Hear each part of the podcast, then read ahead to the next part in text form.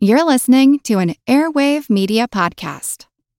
If you're struggling to lose weight, you've probably heard about weight loss medications like Wegovy or Zepbound, and you might be wondering if they're right for you. Meet PlushCare, a leading telehealth provider with doctors who are there for you day and night to partner with you in your weight loss journey. If you qualify, they can safely prescribe you medication from the comfort of your own home. To get started, visit plushcare.com slash weight loss. That's plushcare.com slash weight loss. Plushcare.com slash weight loss. When you need mealtime inspiration, it's worth shopping Kroger, where you'll find over 30,000 mouthwatering choices that excite your inner foodie. And no matter what tasty choice you make, you'll enjoy our everyday low prices, plus extra ways to save, like digital coupons worth over $600 each week. You can also save up to $1 off per gallon at the pump with fuel points. More savings and more inspiring flavors make shopping Kroger worth it every time. Kroger, fresh for everyone. Fuel restrictions apply. This is Kick Ass News. I'm Ben Mathis.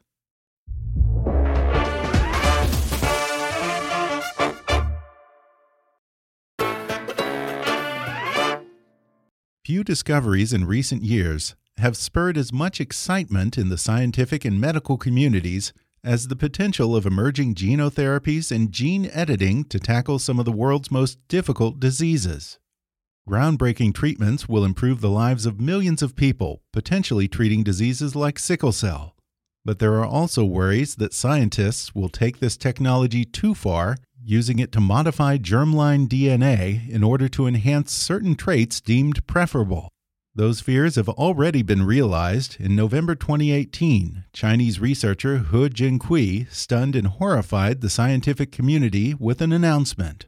He had created the first genetically edited babies, twin girls born in China, a medically unnecessary procedure accomplished well before scientists had fully considered the consequences of altering the human genome.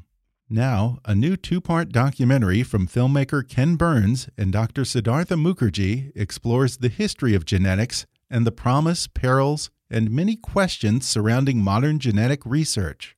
The Gene, An Intimate History airs on PBS April 7th and 14th. And today, Siddhartha Mukherjee, a Pulitzer Prize winning best selling author and doctor at the forefront of cancer and genetic research, joins me on the show to discuss the fascinating story of the gene and those scientists who have worked to understand it. He discusses how the eugenics movement set back legitimate genetic research in the early part of the 20th century and how even today the specter of eugenics still looms large as scientists ponder the possibility of gene editing and designer babies. Dr. Mukherjee talks about how an unlikely public private partnership accomplished the monumental task of sequencing the entire human genome, and how modern day gene hunters are using that information to potentially treat some of the world's rarest and most debilitating diseases. He also reveals how that same research could be applied to treating and even curing major diseases like cancer, and how genetic research is currently playing a vital role in the fight against COVID 19. Coming up with Dr. Siddhartha Mukherjee in just a moment.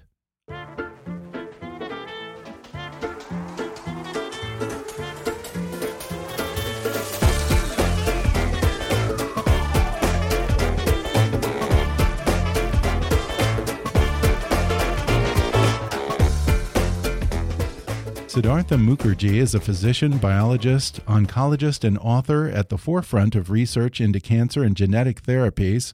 Featured in the Time 100 list of the most influential people, Mukherjee writes for The New Yorker and is a columnist in The New York Times. His 2010 book, The Emperor of All Maladies A Biography of Cancer, earned him a Pulitzer Prize for General Nonfiction, and his 2016 book, The Gene An Intimate History, made it to number one on the New York Times bestseller list and was among the New York Times 100 best books of 2016. The latter book has recently been turned into a two part, four hour documentary, which he co produced with Ken Burns.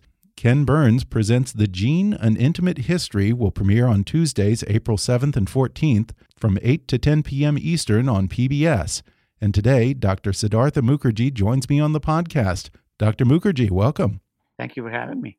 Well, you made this program with documentary filmmaker Ken Burns, who has been a previous guest on the show many times. Uh, this is your second time working with him, I believe. You guys made a documentary together of your book on cancer as well. What do you like about working with Ken? Well, Ken's a visionary. He understands history, he understands science. He believes that science is not part of, you know, people in white coats sitting in laboratories. He believes it's part of our history, it's part of our heritage, it's part of our it's part of American history, it's part of world history. He is incredibly insightful, he's humble, he wants to learn, but he also has the capacity to bring human stories to life.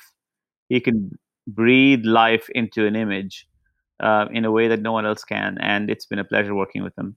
And the documentary does have a lot of history to it. It gets into the fascinating history of genetic research from Gregor Mendel's pea plant studies in the 19th century all the way up to the sequencing of the human genome and modern gene therapies to go all the way back to the beginning here. What were some of the early theories about heredity? Well, you know, the heredity has been one of these ideas that that people have been obsessed with since the birth of of the human species. Why do I look like my parents? What am I why am I like my parents? Why am I unlike my parents? Uh, what what do I transmit to my children? Um, the earliest theories uh, had to do with uh, somehow you know instructions flowing through blood into into the into your children, and it was only Mendel who re- later discovered that the that genes were the were the instructions that the mm-hmm. instructions were carried in this form, in this kind of very discrete form. And it's impossible to understand heredity without understanding genes, just like it's impossible to play music without understanding notes. Interesting. Uh, genes are the notes that make the symphony of heredity. Genes are the atoms that make the material of heredity. Uh, but before that, you know, people thought that, you know, hereditary, hereditary information was like a a river that flowed through from parents to children. And the history of genetics is something of a mixed bag, as you point out in the film. In addition to the discoveries and breakthroughs, it has also been fraught with ethical questions, controversy, and pseudoscience at times. One that particularly comes to mind is the eugenics movement. And we all know about the Nazi eugenics experiments and all that. But what really surprised me was just how much the eugenics movement took off here in the United States in the first part of the 20th century. In fact, how many states in the US actually practiced forced sterilization? Well, you know, what's astonishing is that the eugenics movement in the United States and in the United Kingdom, in, in, in England, mm-hmm. pre- predates the eugenics movement in, in Nazi Germany. Uh, I dedicate my book to Carrie Buck, whose story is in, is in the film but Carrie Buck was one of the uh, one of the people sterilized, forcefully sterilized, state mandated, uh, in a state mandated manner, uh, because she was thought that it was thought that she was, uh, uh, you know, cognitively disabled, hmm. um, and so uh, which was probably most likely we know just just just just nonsense, but wow. um, but the state forcibly sterilized her so that she could not breed any more of her children and thereby contaminate, uh, uh, as they put it, contaminate the United States with people who were cognitively disabled. Now, this was, remember, before the Nazi eugenics movement. And the Nazi eugenics movement learned from the, the experience of the uh, Europeans and the Americans and took it to its extreme form. This is into genetic extermination. But long before genetic extermination, there was sterilization uh, uh, occurring in the United States. And to what degree did the eugenics movement set back legitimate genetic research in the 20th century? Well, they really moved in parallel tracks. Uh, mm. The eugenics movement was a movement which was based on pseudoscience, had very little science behind it. Um, genetics moved in a parallel track. Genetics moved away from human genetics or human studies because of the eugenics movement, I believe, and moved towards simple organisms such as fruit flies and bacteria to understand the fundamental mechanisms. And it's only it was only after decades after that scientists returned, uh, having understood how genetics works in peas and flies and bacteria, to understanding it again in in in humans. Mm-hmm. And uh, I think the eugenics movement set back our understanding of human genetics, genuine human genetics, by almost 50 years. And I want to talk about that fruit fly study. Why was the fruit fly study such a big leap from Gregor Mendel's original pea plant study? Well, there was not one fruit fly study, but many fruit fly studies, and they were centered around Thomas Morgan at Columbia University. He created the so-called fly room. Uh, fruit flies, you know, the, the, the amazing thing about fruit flies is that they breed very quickly, um, and you can follow their genetics very quickly. Um, several things came out of uh, the fruit fly studies, but perhaps the most important one was the idea that genes were were when Mendel had imagined genes. Mendel had imagined them abstractly. He didn't know what they were made of. He didn't know what they were, how, how they behaved. He just knew that they existed sort of like particles. And these particles moved from parents to offspring through sperm and eggs, uh, but he didn't know anything more than that. The fruit fly experiments established the idea that genes were, were physical or chemical entities that lived inside sperm and egg cells and that they were linked to each other like beads on a string. And that idea that they, that they were linked to each other like uh, as i said like beads on a string would eventually lead to the mapping of the human genome and the idea of the genome that that there was an encyclopedia but it was a linked encyclopedia that they were beads on a string. And of course ultimately would lead to the idea that that string as it were uh, was in fact a chemical and that chemical was dna well, I want to fast forward to the 1980s, and the U.S. embarks on what at the time must have seemed like a colossal task to sequence the entire human genome. Both in scope and even in an approach, you liken that to the Apollo moon program. Tell us more about that. Well, the decision to sequence the entire human genome began as technologies advanced and it became possible to sequence longer and longer pieces of the genome. And several scientists began to advocate the idea that we should have the entire human genome sequenced as a template. And once that template was established, we could compare it against people who had breast cancer or people who had Huntington's disease, etc., so that we could understand what the normal genome was and, and what, what, what genes cause disease. Just to make it a little bit more topical, we are living in extraordinary times, as you know, in the middle of a pandemic. But just to remind you, that first human genome took several billion dollars and several uh, years to sequence. But the very same technologies have allowed us to sequence the genome of this virus uh, within months and at one thousandth the cost, maybe even less, uh, of the sequencing of the human genome. So uh, when you think about the sequencing of the human genome, don't forget that the fact that we can fight uh, SARS-CoV-2 or this coronavirus today relies on technologies that were invented very much to tackle the human genome. And if we didn't have those technologies, we would not be able to sequence this viral genome in as short a time as we did um, in these last few days. Interesting. So genetics are actually proving useful in battling COVID 19, huh? I, I, would say not just useful, but essential. Really? In other words, we could not uh, uh, we could not uh, have every armament that we have against COVID 19. You know, the oral swab that you take uh, to detect whether you are virus positive or not, that depends on genetics. Mm-hmm. The sequencing of a virus depends on the genetics. Uh, when we make a drug like a, like a man made antibody uh, against the virus, some of which will soon come um, and become anti- antiviral drugs, um, that depends on genetic technology. The, the, the first vaccines that we will make against this virus will depend on genetic technologies. So if you want to understand, I mean, the, the film was completed long before the, the, the pandemic broke. But but if you want to understand the language, if you want to understand what a virus is, what is a virus? A virus is a, a genome that is being packaged inside a coat that parasitizes a normal cell and uses uses a normal cell's genetic apparatus to replicate itself.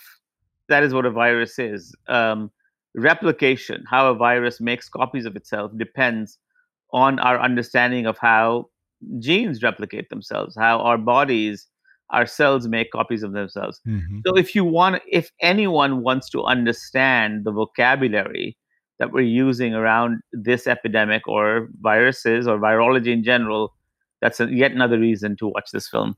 Yeah, and I definitely want to get back to COVID 19 because you wrote a fascinating article about it in the New Yorker recently. But uh, to go back to the film, when they were sequencing the human genome, I think one of the interesting side stories to this film was this bitter public rivalry between a former guest of the show, Dr. Francis Collins, and an entrepreneur named Craig Venter. Can you talk a little about the competing visions that they had for that project and how they eventually came together and joined forces? Well, th- there were two projects that were launched in parallel. One was uh, a public project, which was funded by the uh, the government, and then there was a private project that was funded by Craig Venter and his investors.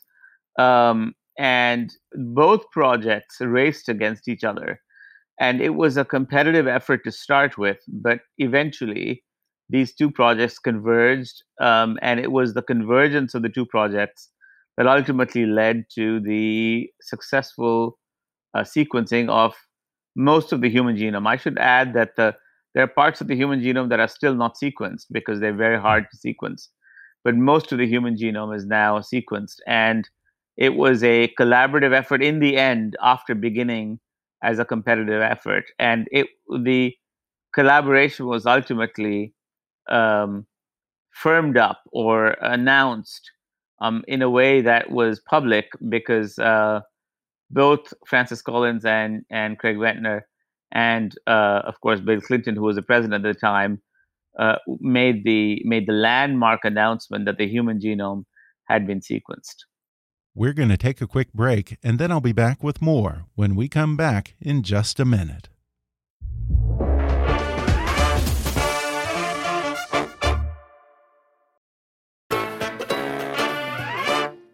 And when they discovered that I think 20,000 genes make up human beings, many people didn't want to believe it. After all, a fly has 13,000 genes. How is it that we can have so much in common with every other organism on the planet, and yet we're so different?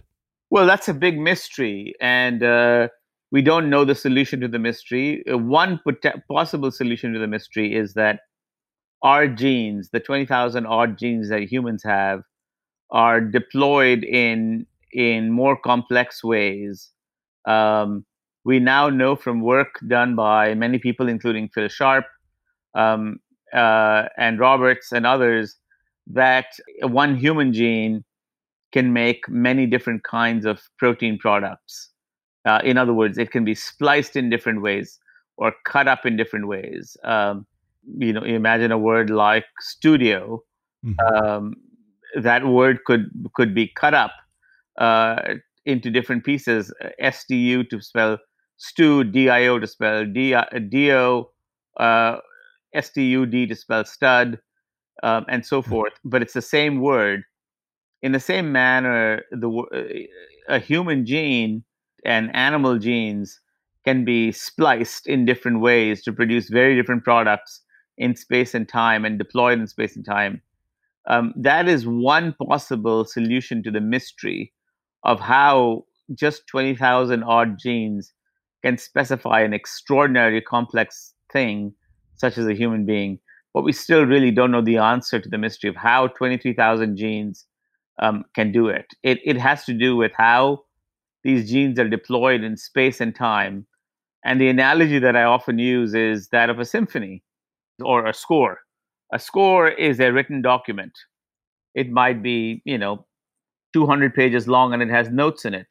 The Philadelphia Philharmonic can take that 200 page document, make an incredible piece of music out of it.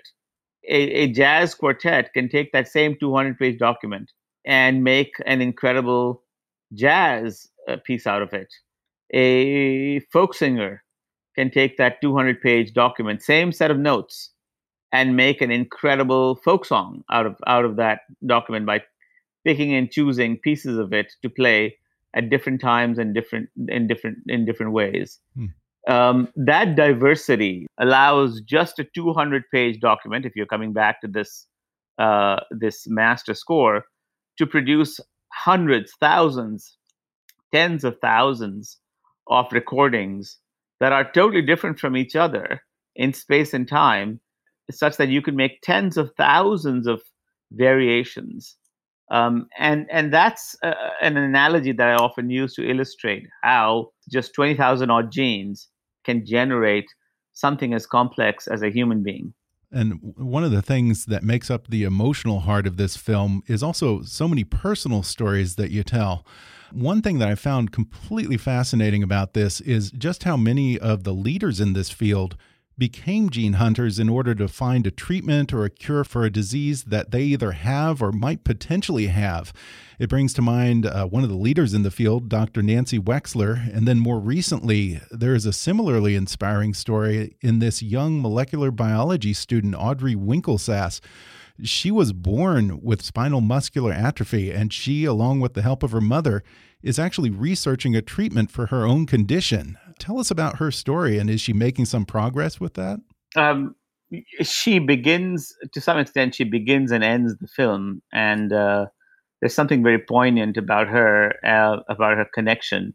You know, genetics is a is a very personal field as well. You know, you might be afflicted with breast cancer, you might be afflicted with Huntington's disease or with spinal muscular atrophy, and um, it doesn't it suddenly becomes your problem. It becomes your story. It becomes your hunt your your quest. Um, there's a beautiful um, i will not reveal the whole film but there's a beautiful moment at the end when we watch audrey again as she is continuing her hunt. Um, you know some versions of that disease sma um, are now uh, becoming amenable to genetic therapy. And there's a there's an extraordinary moment in the film when you watch a young kid treated with one of these uh, new drugs walk, he would otherwise be paralyzed for life. Uh, walk for the first time and and start jumping on a trampoline. Mm-hmm. Um, again, the film is very different from the book. The book has more history. Uh, um, I would say a, a, deeper dive into the the you know the 1940s and 1950s. The film is more about sort of personal stories and a lot more about how these stories link together to form the history of genetics. Mm -hmm. And you also profile another modern day gene hunter, Dr. Wendy Chung, who is working on helping a child with a rare degenerative disease called TIF1A. So rare, in fact, that they actually had a hard time coming up with 100 people with this disease so that they could research it.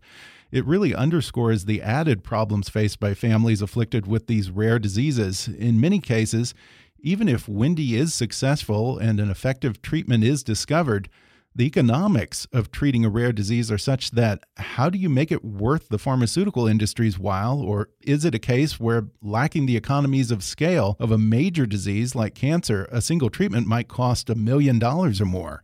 Who's going to pay for all this? That's I the mean, question. The, the, the question of economics is left hanging in the film to some extent mm-hmm. because it is it is a it, it really demands a separate film. I mean, how do we pay for right treatment for rare diseases?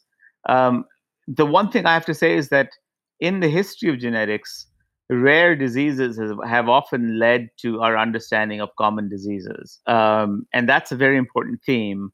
Our understanding of a very rare disease called or relatively rare disease called familial hypercholesterolemia, FH, led to the identification of high cholesterol levels as a marker for future heart attacks. Um, that work was awarded a Nobel Prize and um, led to new drugs such as Lipitor and other anti cholesterol agents that have dramatically changed the risk of having a heart attack. So it's always important to remember that what, what, what rare diseases in genetics can become portals to our understanding of more common diseases. I mean, who would have suspected that understanding um, uh, this rare, unusual syndrome called familial hypercholesterolemia would lead to a drug that would save hundreds of thousands of lives uh, every year from heart attacks. And in talking about more common diseases, you have spent your life's work focusing on cancer. And in this documentary, you actually say that cancer, quote, is a disease of the genome more than any other disease. What do you mean by that, Sid? There is, you know, cancer is a genetic disease at its very core. Mm -hmm. um, and by that, I mean that uh, we now know that the reason cancer happens, occurs, is because genes are mutated in cells, and these mutant genes change the uh, the division of cells, make the cells unable to stop dividing. They change the metabolism of the cell. They make the cell able to utilize uh, uh, metabolic pathways that were otherwise it would not utilize. It, it they make the cells uh, essentially immortal, um, and it is the consequence of multiple genetic mutations in cells that makes cancer uh, become cancer. So cancer is a, the pallbearer or the quintessential genetic disease that we have ever encountered. And understanding cancer genetics has really transformed our ability to understand cancer and to provide new therapies against it. And cancer is one of the areas where this new CRISPR technology shows a lot of potential. Up to recently, much of the research has been focused on treatment, but now CRISPR has opened the door to the possibility that we might even be able to cure many of these diseases. How exactly does CRISPR work? CRISPR or Cas9 is a I, I would rather broadly refer to this as gene editing. Uh, these are tools that allow us to make deliberate changes in the genomes of cells. Uh, again, imagine your genome as a symphony or a conductor score 200 pages long. And someone says to you, go and change one note in that score. Uh, in the past, it was impossible to do that without random mutation. CRISPR Cas9, as well as new gene editing technologies, allow us to do exactly that. It allow us to go into a genome of a cell and make a deliberate change, change a B flat to a, a C major uh, in one page of this encyclopedia. The human encyclopedia of the you know has three billion letters. CRISPR-Cas9 allows us to change one of or two, erase uh, and potentially alter these uh, letters in, in ways that are deliberate. Now, we don't know. There's still many puzzles to be worked out. I mean are there does it make a mistake? Does it go and change the wrong letter in the wrong page? Um, but but largely speaking these technologies have transformed our, the way that we can attack or change the letters of the human genome 3 billion letters but but the possibility of being able to change what we want to change uh, at, a, at a given time and in more recent years, many of the scientists who are at the forefront of this research have actually been at the head of a global effort to pump the brakes on CRISPR technology in human embryos. What have been the main concerns driving that? Well, we want to use CRISPR safely. We want to use CRISPR in a way that's ethical. We want to use these technologies, gene editing technologies, uh, in ways that are are are, are don't harm humans. Um, the film begins with um, I again won't I don't want to give the the front of the film away, but with staggering footage of a Chinese doctor, scientist who climbs on the stage in Hong Kong and announces to the scientific community that he has made basically designer babies, genetically designer babies. He's deliberately altered the genomes of two babies who've been born um, and done so with uh, without really the full consent of the world's scientific community. And that's a, that's a line in the sand. We are now capable of making, potentially making changes in our own genomes. We're machines that are changing our own codes of instruction. And we need guidelines uh, about how to do this safely. We need to understand whether it's a safe uh, technique or not whether these children will suffer consequences um, in their lifetimes, um, and and under what circumstances we should and shouldn't do this um, as we move forward. Let me ask you this: What exactly did that research alter in those twins? The um, so this was work done by Jiankui He, and he tried to alter a gene that increases the resistance to HIV mm-hmm. uh, in these two children. Uh, Lulu and Nana are their names. We don't know their real names because they're being kept anonymous. They're two babies. Well, let me play devil's advocate here. What's the difference between genetically modifying an embryo to protect against HIV versus genetically editing a disease like cancer in a living person? Um, there are many problems with the experiment. Uh, one is that the, that the risk of these children having HIV was actually zero, um, in the sense that they were their fathers had HIV, but uh, but the mothers did not, and um, the chances of them getting HIV through paternal transmission is essentially zero.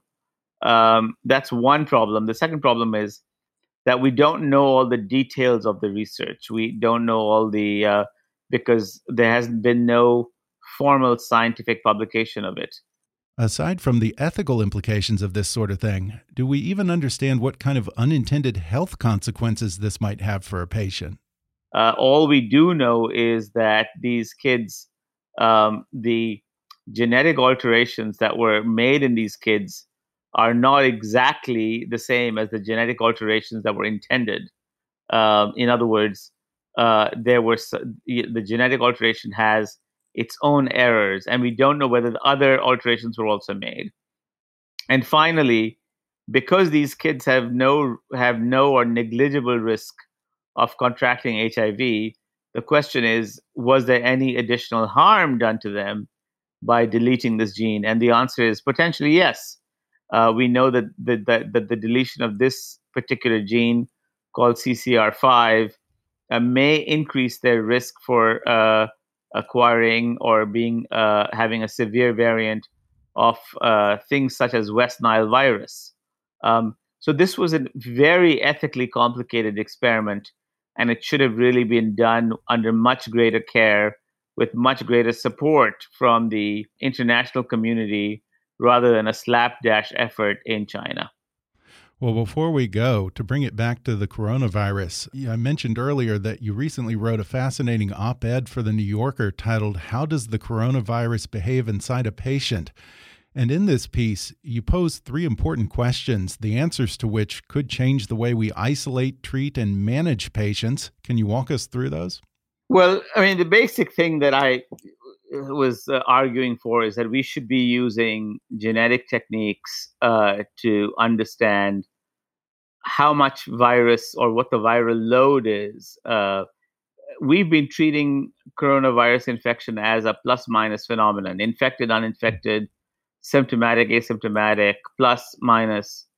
But what we really need to understand is uh, is how much what, what the load is in a human being, how much quantitatively they're shedding, and how much when how much load there is in the human being when they actually get sick, and whether we can use that to predict whether they will get the severe version of the disease or a mild version of the disease.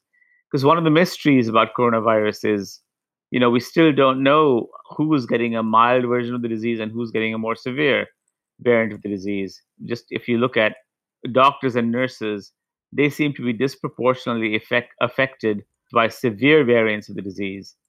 And that may be because they're exposed to much higher viral loads. And if that's the case, what we should be doing is we should be protecting them more with uh, appropriate protective equipment, including the appropriate masks. Mm-hmm. In contrast, if you look at a more casual uh, interaction, someone sitting next to you on a bus or a grocery store, we could get by. I think we still need masks to decrease the viral load, and uh, but those masks could be simpler surgical masks, not N95 respirators.